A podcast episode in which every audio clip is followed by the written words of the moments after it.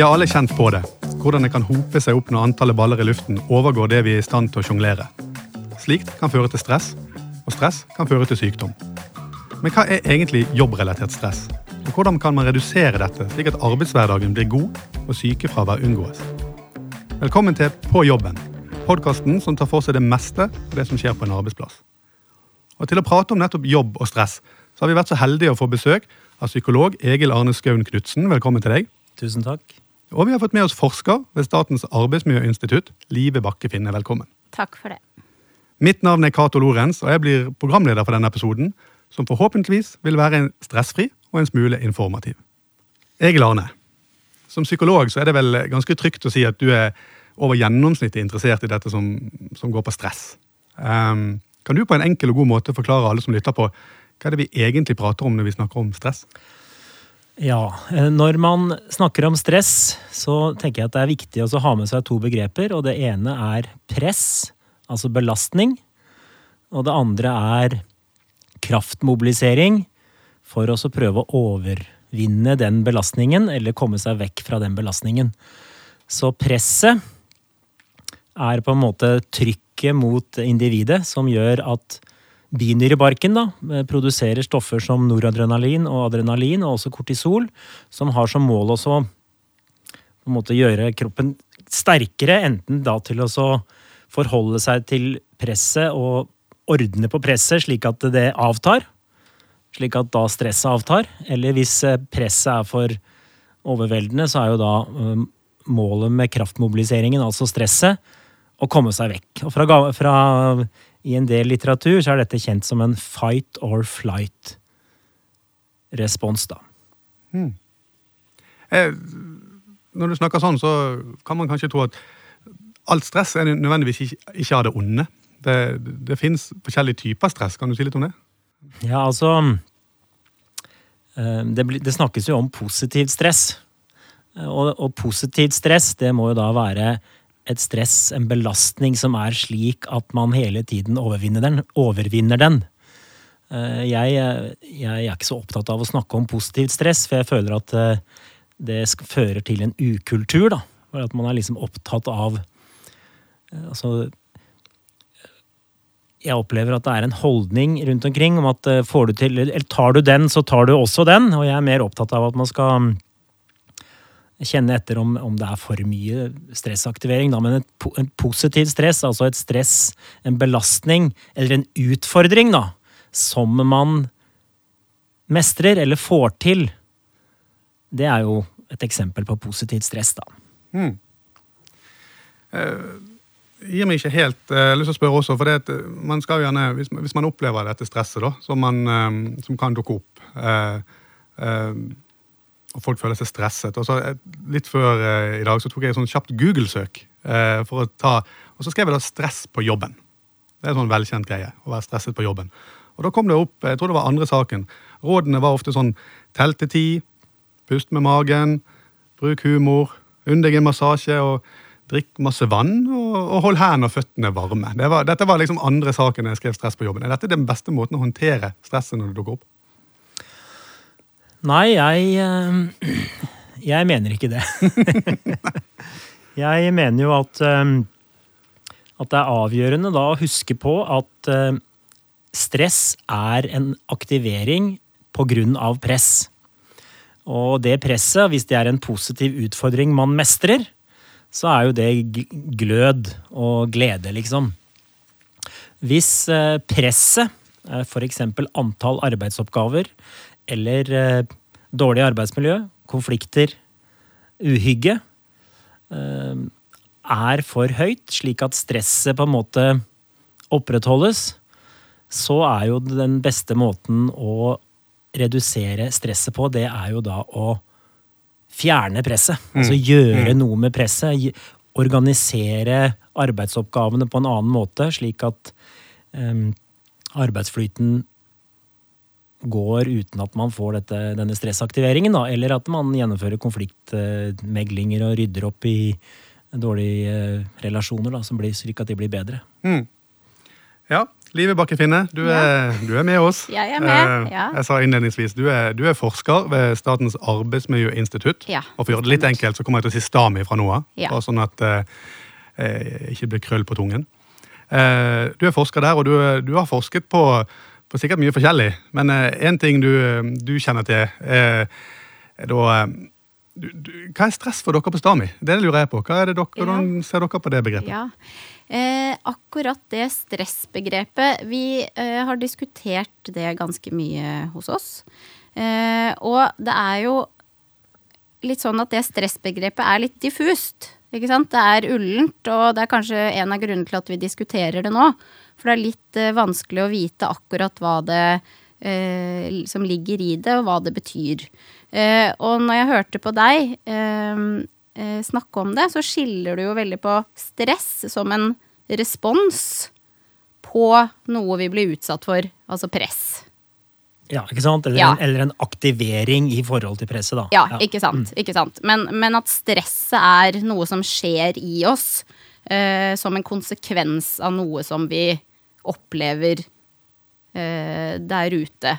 Eller det kan jo være noe vi opplever inni oss òg, selvfølgelig, som gir oss den aktiveringen. Men det er greit å gjøre et sånt skille. Ja. Eh, øh, sånn at vi prøver egentlig å unngå å snakke så mye om stressbegrepet. Eh, og så snakker vi heller da, eh, eller både når vi da forsker på dette her, og også når vi snakker om det ute i norsk arbeidsliv, eh, at på den ene siden eh, så har vi eh, det som vi ofte kaller for eksponering, da. For eksempel psykososialt organisatorisk arbeidsmiljø, som er det som jeg forsker på. Eh, og på den andre siden så har vi da mulige konsekvenser av disse type Det som skjer da i arbeidsmiljø, eller skjer på arbeidsplassen. Og de konsekvensene, det kan være sånne ting som, som du snakker om. Altså den type aktivering, stress i det formatet. Eller det kan være symptomer på angst og depresjon. Eller det kan være smerteplager. Eh, Det kan også være sykefravær og uførhet og den type ting, da. Ja, sånn at vi prøver å, å unngå litt det her eh, begrepet stress og jobbstress, fordi at eh, det er et litt sånn diffust vanskelig begrep. Mm. Ja. Ja. og det, det er litt interessant å høre, men, men samtidig så er det et veldig vanlig begrep Ja, for eh, det det. Hans og Petter og Kari ute på arbeidsplassene. Veldig vanlig. Og de sier det når de, når de, når de føler det. 'Å, jeg Ja. er så stresset'. Å, Ja. hva, 'Jeg blir så stresset av det og det og det'. og det. Ja. Og da tenker jeg, Det må jo være ting på arbeidsplassen vi kan knytte opp til den følelsen de får. da. Ja. Av stress stress eller andre ting. Ja. Og hva er disse tingene? Kan Absolutt. Du, hva, hva er det som Det stresser oss på jobben? eh, hvis vi skal eh, fokusere på det som er eh, psykososialt organisatorisk Mm. arbeidsmiljø, da, som en sånn samlebetegnelse, så kan det jo eh, Det kan selvfølgelig være det å ha veldig mye å gjøre, og Mm. ha mange oppgaver. Eh, Det kan være det å ha liten mulighet til å påvirke sin egen arbeidssituasjon. Altså liten, lite mulighet til selvbestemmelse eller kontroll, som vi kaller det. Eh, Det kan være eh, noe som vi kaller for rollekonflikt.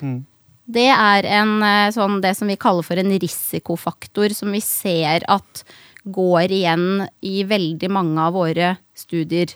Og som kan påvirke både psykisk helse og muskel-skjelettplager og sykefravær og alt dette her. Og det er rett og slett en opplevelse av å bli stilt overfor uforenlige krav i arbeidet. Mm.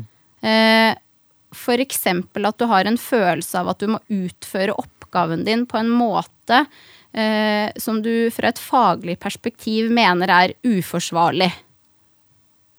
For eksempel i, eh, i helsesektoren, da, ikke sant. At det er mange som snakker om det at de, de løper fortere og fortere, og for eksempel ikke har tid til å gi den omsorgen eh, som de ønsker å gi. For eksempel snakke med pasienter og den type ting. Mm. Ja. Det kan være et eksempel på en rollekonflikt. Ja. ja, det er et godt eksempel. Eh, Egil, du, du, du, du rekker opp hånden litt her, det ser ikke annet, så jeg, jeg ser at du brenner inne med noe. Var det, var det respons på det Live snakket om her? Ja, altså, jeg, det var jo um, Jeg opplever å ha en felles forståelse Mm. for, for stressbegrepet. da, At det er på en måte belastning som og den belastningen som, eh, som du snakker om, da, med Ja. rollekonflikter og antall oppgaver og Det er jo eh, den belastning i det psykososiale arbeidsmiljøet. Da. Ja. Også at, eh, at stressreaksjoner kan være depresjon og angst. Det var det jeg liksom eh, var der jeg var da. Ja. sted, da. Ja. Ehm, Så, for jeg opplever jo at stress er et ganske omfattende problem. For, um, for eksempel så har ehm, Det er mange sykdommer som har en stressrelatert andel, da.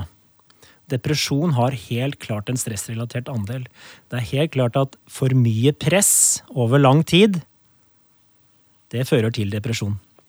For mye press inne i oppvekst, for mye press eh, av, i form av dårlig psykososialt arbeidsmiljø, mobbing på jobb, rollekonflikter. For mye press over tid fører til depresjon, kan føre til depresjon og, og angst. og stress har en, en psykisk helserelatert andel. Muskel-skjelettplager, eksempel. Vondt i nakken, eh, kanskje stiv i ledd og sånne ting har også en stressrelatert andel. Hjerte-karproblemer har en stressrelatert andel. Rus har en stressrelatert andel. Søvnproblemer har en stressrelatert andel, da. Så um, jeg opplever at det på en måte er viktig å forstå dette. At press på jobb, eller press i oppdragelse, eller press i samliv, er et stort problem. Mm. Uh, og det, bare sånn for å komme inn fra sidelinjen her Mm. uh, uh, For det som vi da er litt opptatt av i forlengelsen av det du sier nå, det er det at det som er viktig for å da kunne gjøre noe med dette her, Mm. med dette her problemet, det er at på arbeidsplassen så må vi finne ut av eh, hva er det som ligger i da jobbstress. Det som alle snakker om, ikke sant, som du sier. Både på arbeidsplassene brukes det begrepet, og i media, for eksempel. Ja.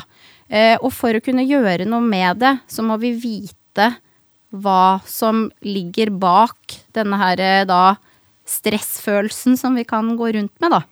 Er det det at, eh, at eh, arbeidet er dårlig organisert, f.eks., som kan gjøre eh, at man får en opplevelse av denne rollekonflikten som jeg snakket om i stad? Ja. Eller at man opplever at det er veldig liten mulighet til å påvirke sin egen arbeidssituasjon. Eller at det er knytta til ledelse, selvfølgelig. Eh, både Det kan være det som vi kaller for da urettferdig ledelse. At man har en følelse av at noen får eh, store fordeler fremfor andre og sånn. Eller det kan være lite sosial støtte fra nærmeste leder.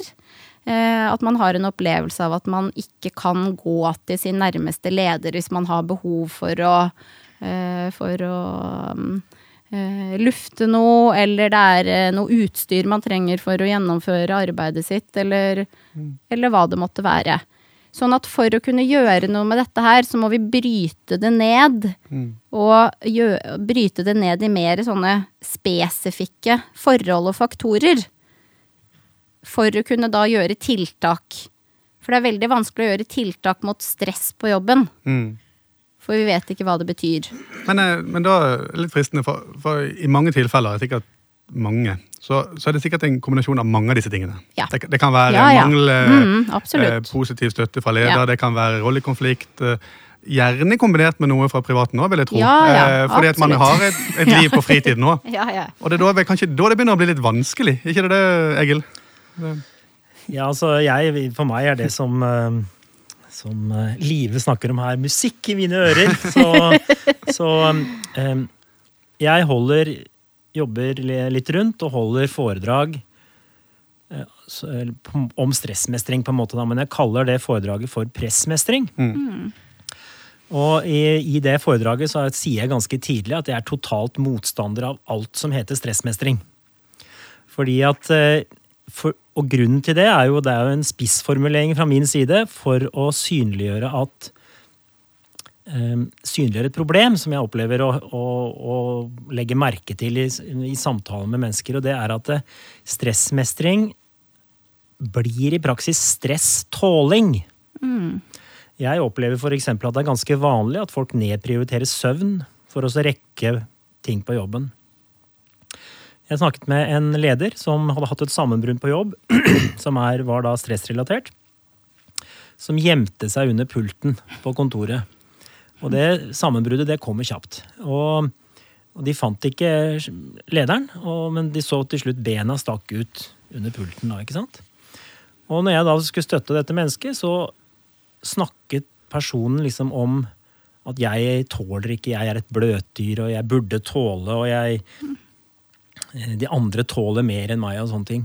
Og det var akkurat som om eh, personen trodde det fantes en ob objektiv gullstandard på hvilken belastning man burde tåle her i livet, uten at det aktiverte stress. Mens jeg mener at hvis du kjenner at du er stressa, så er det ikke for at du er dum, men det er for at du er stressa. Så, um, så det å trene på å lære seg å ta på alvor Eh, stiv, stive skuldre, da. Stive skuldre betyr jo ikke at du er dum og nå må du bare bite tenna sammen og tåle stive skuldre. Stive skuldre betyr jo at nå er det litt for mye. Og fordelen da, hvis eh, Stami vet hvilke mm. detaljerte elementer som kan ligge til grunn for det da, i et arbeidsmiljø. Mm. Så man kan gå inn og se på rollekonflikter, kan gå inn og se på kanskje lederstil, forutsigbarhet, mm. uforutsigbarhet. Mm rettferdighet og sånne ting i miljøet. Og så kan man på en måte finne ut hva som kanskje kan ligge til grunn for den personens stive nakke, istedenfor at den personen skal føle at ja, det er bare jeg som har stiv nakke. Mm. Og, det, det, vet, ja. det vet Stami, og det var jo det ja. du snakket om nå her i stedet. Vi, ja Men eh, er vi gode nok til å, til å, gå inn i det og dykke inn i den materien på norske arbeidsplasser? Har du inntrykk av det? Jeg skal kanskje være litt forsiktig med å uttale meg for hardt om det, men, men, eh, men, det er klart at jeg tror jo at det er et stort forbedringspotensial der. Det tror jeg. Um, og eh, jeg tror jo også at vi som sitter og snakker sammen her nå, er veldig enige, høres det ut som. Eh, fordi at det vi vet, og det som, som, vi da har dokumentasjon på, det er jo det at eh, når man da prøver å finne ut av hvilke tiltak er det som kan gjøres i, på arbeidsplassen for å f.eks. redusere sykefravær som en følge av depresjon, f.eks. Mm. Eh, det er dessverre ikke så mye forskning på det enda. Eh, men den forskningen som foreligger, den er hovedsakelig gjort på da tiltak rettet mot individet. Mm. F.eks. stressmestringskurs, eh, terapi, medisinering og denne type ting. Og det er klart at sånne tiltak kan jo i noen tilfeller ha noe for seg. Men som tiltak for å redusere sykefravær f.eks., så ser det ut til å ha svært liten effekt. Så det å bruke masse, masse ressurser uh, ute i bedriftene på den type tiltak, hvis det er sykefravær, helseplager og denne type ting som man vil treffe, da, mm. så virker det som at man må lete et annet sted. Uh, og da kan det være en god idé å lete i uh, det som faktisk skjer i arbeidet vårt, og mm. rundt arbeidet vårt. Mm. Um, sånn at uh, um, da kan f.eks. et verktøy for å finne ut av det være en arbeidsmiljøkartlegging. Ja. ja. Uh, da, men da er det selvfølgelig viktig at den kartleggingen inneholder da denne type elementer som jeg har snakket om tidligere. Sånn som uh, rollekonflikt og og eh, selvbestemmelse, ledelse, og det som du også sa med forutsigbarhet og jobbusikkerhet og denne type ting, det vet vi også kan påvirke. Eh, sånn at man ikke har en kartlegging med forhold som ikke nødvendigvis påvirker helse og fravær, da. Mm. Ja. ja. jeg, jeg syns dette er interessant, og jeg syns det er spesielt interessant når vi snakker om stress, eller den følelsen de får, om det er ansvaret for å følge opp det så hvis jeg, hvis jeg, hadde fått disse stive skuldrene som du snakker om, Egil, og, og kjent at nå begynner jeg å, begynner det å balle på seg her, og jeg, jeg, blir stresset, som vi kaller det da, mm -hmm. på, på, godt norsk. Og så, mhm. og så, skal jeg da finne ut av det sjøl. Jeg skal fikse det sjøl. Jeg skal gå til min leder, og jeg skal få Kanskje har vi en ordning med at de sender meg til en psykolog, eller kanskje vi har, har vi beskjed om at jeg kan Som jeg nevnte innledningsvis, jeg, jeg må begynne å puste riktig, og jeg må Ja, Være, var, varm på bena var det var det spesielt merke til. Den likte jeg òg veldig godt. At jeg kan kjøpe med noen gode raggsokker og litt sånne ting. Men, men at, at vi skifter fokus fra at individet sjøl skal fikse det opp i det sjøl, til at det faktisk kan være et felles anliggende. Er ikke det det du snakker om òg? Jo. Ja. Jo.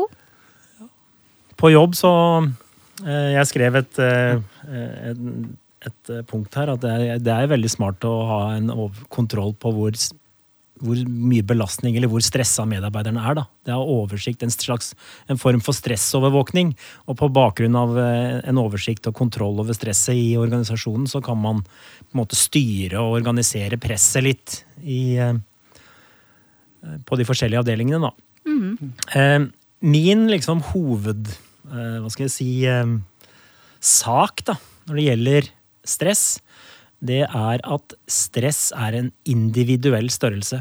Det er ikke en objektiv størrelse. Slik at eh, eh, Jeg husker jeg hjalp en, en gruppe mennesker som hadde blitt eh, angrepet av en eh, person i jobb. I, i forbindelse med Altså i jobb, da blitt angrepet og slått etter og, av en person med jobb. Og da var det fire stykker på det, i den gruppa, i arbeidsgruppa som har blitt eh, angrepet. Og så skulle vi ha debrief eller en støttesamtale, som man kaller en sånn første eh, Å skape en felles oversikt eller felles forståelse av hva som har skjedd. da. Og da var det en av personene som ikke ville være med på den støttesamtalen. Og det å ehm, og det, Jeg ringte vedkommende og spurte hvor må komme, og liksom sånn, og så sa personen at nei, jeg har vært på sjøen siden jeg var 15 år og driver og slåss litt med spader. Det var ikke noe problem for han. altså. Det hadde han liksom gjort, Så det er veldig forskjellig hva vi tåler. da. Jeg personlig har for, en, for lenge siden erkjent at jeg tåler mindre press enn Barack Obama, for eksempel. Så, så min kamp er hvis du har stive skuldre, vi bruker det som eksempel. Eh, Stressymptomer er f.eks. å sove for lite. Det er eh, at man føler seg anspent og urolig i kroppen. Det er at man er irritabel. Det er at man er kanskje glemsom. Humørsvingninger. Det er eh, også angst og depresjon. Ikke sant? Sånne typer eh, plager. Kanskje mage-tarmplager også. Og hvis man har disse plagene, så er det ikke fordi at man er dårlig, men det er for at man må ta, på en måte, ta de plagene på alvor. Og hvis jeg står med hånda over et stearinlys sånn, og liksom har et stearinlys som brenner på min håndflate, så vil jo da stearinlyset være presset, og så vil vannblemmene være stresset. Og jeg opplever at stressmestring blir litt sånn at du lærer deg å puste slik at du, ja det, brenner, det gjør deg ikke så vondt, liksom. Eller du tenker positivt, at det, er, da finnes det andre som eh, har mer belastning enn meg. Og jeg mener at denne formen for um, Hva skal jeg si Det å tro at stress er en objektiv størrelse, fører til at folk overbelaster seg, da. Og, og, og det er jo Jeg leste en forskningsrapport, det var fra USA, men 50% av alle fastlegebesøk i den rapporten da, var stressrelatert. Så jeg tenker liksom at um, det å så Det å se på stress som et signal på at nå er det noe der ute vi må gjøre noe med, det mener jeg da jeg bør være en sånn en, en, liksom en, en um, Hva skal jeg si en, en viljestyrke i hver enkelt, da. Og hvis man da sier fram det i bedriften, så må jo bedriften prøve å ta det på alvor, istedenfor å si at ja, men det burde du tåle. For det burde du tåle, tankegangen, er det som fører til at det er så mange Det er veldig mange som er eh, sykemeldt og ufør, da. Ja. Jeg syns det er veldig synd at man Jeg syns det er synd at man nedprioriterer søvn for å at Altså primære behov. Søvn, vann, eh, omgang med venner, altså gode relasjoner. Mm. Tilhørighet, kjærlighet. Eh, Det å være ute i dagslys for å få D-vitaminer, det er sånne typer primærbehov som jeg erfarer i møte med klienter, da, at ofte nedprioriteres for å rekke ting. Mm. Så Ja. Et etter nå, um En ting som jeg kom på nå, når jeg hørte deg snakke. Eh, det er dette her at For det har vi også diskutert en del, eh, en del hos oss, og også for så vidt dokumentert, da. Eh, det er det at fordi dette begrepet eh, jobbstress, eller stress på jobben, eh, det er ofte kanskje også sånn at når folk tenker på det, så tenker de på at de har veldig mange arbeidsoppgaver eh, og har liten tid å gjøre det på. Altså det er stor arbeidsmengde og mye tidspress. Det er kanskje det man først og fremst tenker på ofte. Eh, og da eh, er jo det naturlige, for å prøve å gjøre noe med det, da, prøve å på, redusere arbeidsmengden eller løpe enda fortere og, eller den type ting, da. Eh, men det vi også da eh, eh, slår et lite slag for, det er at det er ikke nødvendigvis alltid det at eh, det er for mange oppgaver eller at man har for dårlig tid, men det er kanskje det at arbeidet er organisert for dårlig. Eller det kan være noen problemer med, med ledelse, eller altså andre typer ting, da. Eh, som gjør at man får denne opplevelsen. Altså denne liksom hektiske, eller den aktiveringen og, og disse helseplagene. Sånn at man ikke bare ser seg helt blind for at det bare knytter seg til at man har, kan ha mange oppgaver og, eh, og lite tid. Eh, at det også kan være rollekonflikt, eksempel. Eller dårlig organisert arbeid. Ja, og da tenker du, Ja. en, en sånn velkjent modell her som for, så veldig mange snakker om, det er jo sånn hvis det blir stilt for høye krav, eksempel, Ja. til, til en enkelt, og nå, nå er vi individ, forskjellige individuelle standarder på hva som er et Ja, høyt krav for ja meg da. og deg og sånn, men, men hvis det blir stilt for høye krav for et menneske, så, og de ikke har kontroll på å kunne Ja. ja, jobbeautonomi, da, selvbestemmelse, og da, da er vi litt ute og kjører, ikke det? Og hvis vi da i tillegg ikke har denne sosiale støtten dere snakker om, ikke Ja, det, det en, typisk? eh, Jo, det er jo Ja. en veldig, veldig kjent uh, modell eh, i, i da arbeidshelsepsykologien, som, uh, som eh, da kalles for krav-kontroll-støttemodellen. Ja. Eh, som er en som heter eh, Karasek, som eh, står bak. Eh, og den sier jo nettopp det. Eh, at eh, at eh, hvis du har veldig høye krav i arbeidet ditt, og da er det krav i form av tidspress og arbeidsmengde hovedsakelig, da.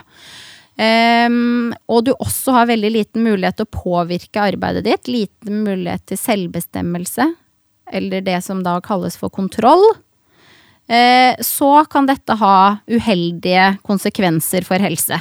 Og også trivsel og produktivitet og den type ting. Men hvis eh, du opplever at du også har god sosial støtte fra eh, både leder og kollegaer, eh, så kan denne her, eh, på en måte ubalansen mellom krav og kontroll, eh, den kan bli mindre belastende av at man opplever god støtte eh, fra både kollegaer og, og ledere, da. Mm. Men dette høres ut som, som ting som går an å, å ta tak i for en Ja. hvilken som helst leder, og, og tillitsvalgt gjerne, gjerne i, Ja. i partssamarbeidet. At man, Ja. at man går løs på det, og som du sier, kanskje har en arbeidsmiljøkartlegging, og, og ser på Så lenge vi vet hva som forskningen sier, så, så er det lettere å gripe fatt i det via på arbeidsplassen, vil jeg tro. Ja, og det er jo ganske mye forskning på dette her. Og én ting er denne her krav-kontroll-modellen. Den har jo blitt forsket veldig mye på. eh, Og den er veldig viktig. Eh, Den står seg fortsatt. Eh, Men så har vi gjort et poeng ut av på Stami at det er også veldig mange andre faktorer i arbeidsmiljøet som vi bør se på i tillegg til krav og kontroll, da. For den har kanskje dominert forskningen litt mye. Eh, Sånn at det vi har gjort på Stami, er å se på mange andre forhold i tillegg. Sånn som, eh, sånn som rollekonflikt, og sånn som eh, uforutsigbarhet. Og, og forskjellige typer former for ledelse og mobbing, vold og trusler. Ja, osv. osv. Så sånn at vi har prøvd å, å, å gjøre det bildet litt bredere. Men alt dette her kan undersøkes f.eks. i en arbeidsmiljøkartlegging eller en medarbeiderundersøkelse eller ja. Må bare være villig til det. Når, når jeg eh, hjelper enten grupper eller individer som har for mye stress, så intervjuer jeg jo de. Fortell meg hva som er situasjonen, hva opplever du er bra, hva er gøy, hva går bra, hva liker du, hva liker du ikke med situasjonen din. Så får vi en oversikt, en kartlegging, hva som får en oversikt over hva som er pressområder som antagelig skaper stresset. Og løsningen er jo da å gjøre noe med de pressområdene. Eh, Det som jeg syns er, er interessant med den krav-kontroll-modellen, er jo at den i- innehold, ble jo inneholdt jo etter hvert også støtte, altså krav-kontroll-støtte. Hvor de synliggjør viktigheten av støtte i arbeidsmiljøet.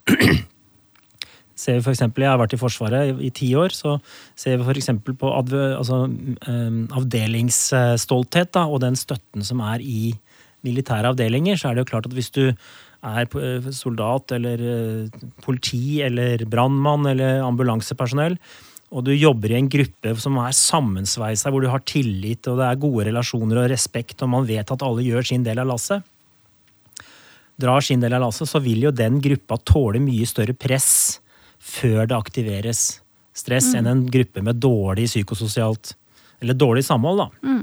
Jeg tenkte jeg bare skulle si en liten morsom ting. Det er at jeg har da, eh, det er jo, Vi har jo Facebook, og der har jeg da ses, fått kontakt med tidligere venner og bekjente etter hvert. Da er det en, eh, en eh, dame da, som jeg vokste opp sammen med, som som jeg vet ikke, to, to barn, tenåringsmor, to barn. Og, og da kaller hun for hjemmet sitt kaller hun for The House of Love and Understanding. Det er en, en bra ting, da. ikke sant? Der, der snakker man jo om eh, eh, hvor, hvordan gode relasjoner er en ramme for å, ha, for å lage det bra, liksom. Og det opplever jeg er kjempefint med f.eks. arbeidsmiljøloven, paragraf 1. Det skal være altså, helsefremmende, det skal være bra, det skal være et bra sted å være, liksom. Og, det, og jeg, tror, jeg tror at folk som har det bra, gjør det bra. Jeg har et menneskesyn om at eh, altså, noen folk er slitne og orker ikke, og det fins kanskje noen som av en eller annen grunn ikke vil, men det er veldig sjelden.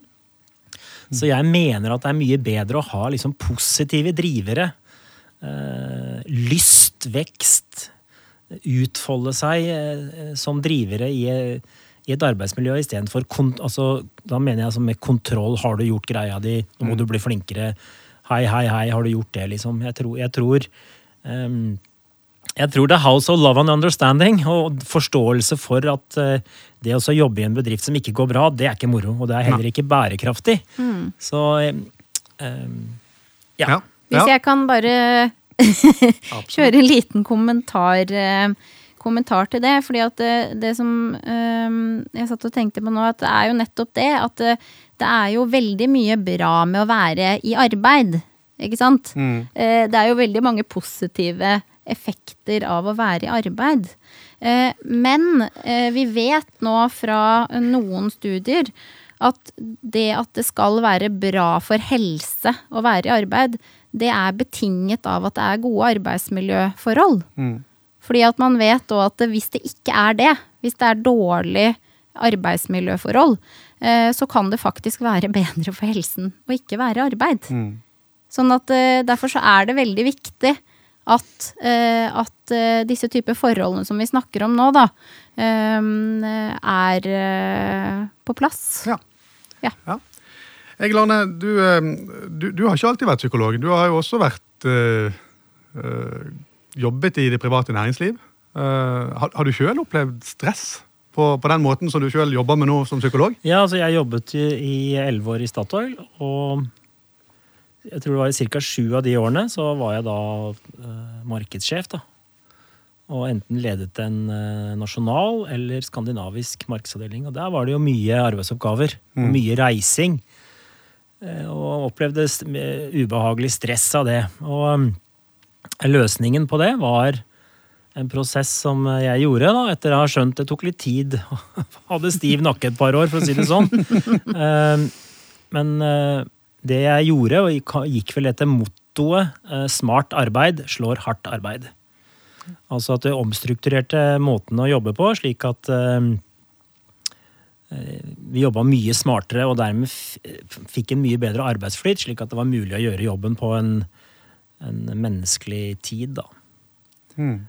Så mm. Men, men var det noe du, du sjøl måtte gå gjennom i forhold til å, å, å omlegge til smartarbeid istedenfor hardt arbeid? Var Ja, noe altså, gjorde- jeg- dere gjorde sammen? Ja, jeg var jo leder, da, så jeg tok jo liksom initiativ. Ja, ja. Men det var jo hyggelig, godt arbeidsmiljø. og Det var en markedsavdeling, ja, veldig kreativ og masse gøy, liksom. Eller full fart for å, for å skape mest mulig salg, da. Så, Men eh, det var jeg som tok initiativet til å gjøre den eh, prosessen. der, Å strukturere opp med, med, med mye mer rutiner og smart arbeidsflyt og, og standarder. og mm. uh, altså, Vi har lagd et sånn årshjul som Årene er ganske like år for år, da.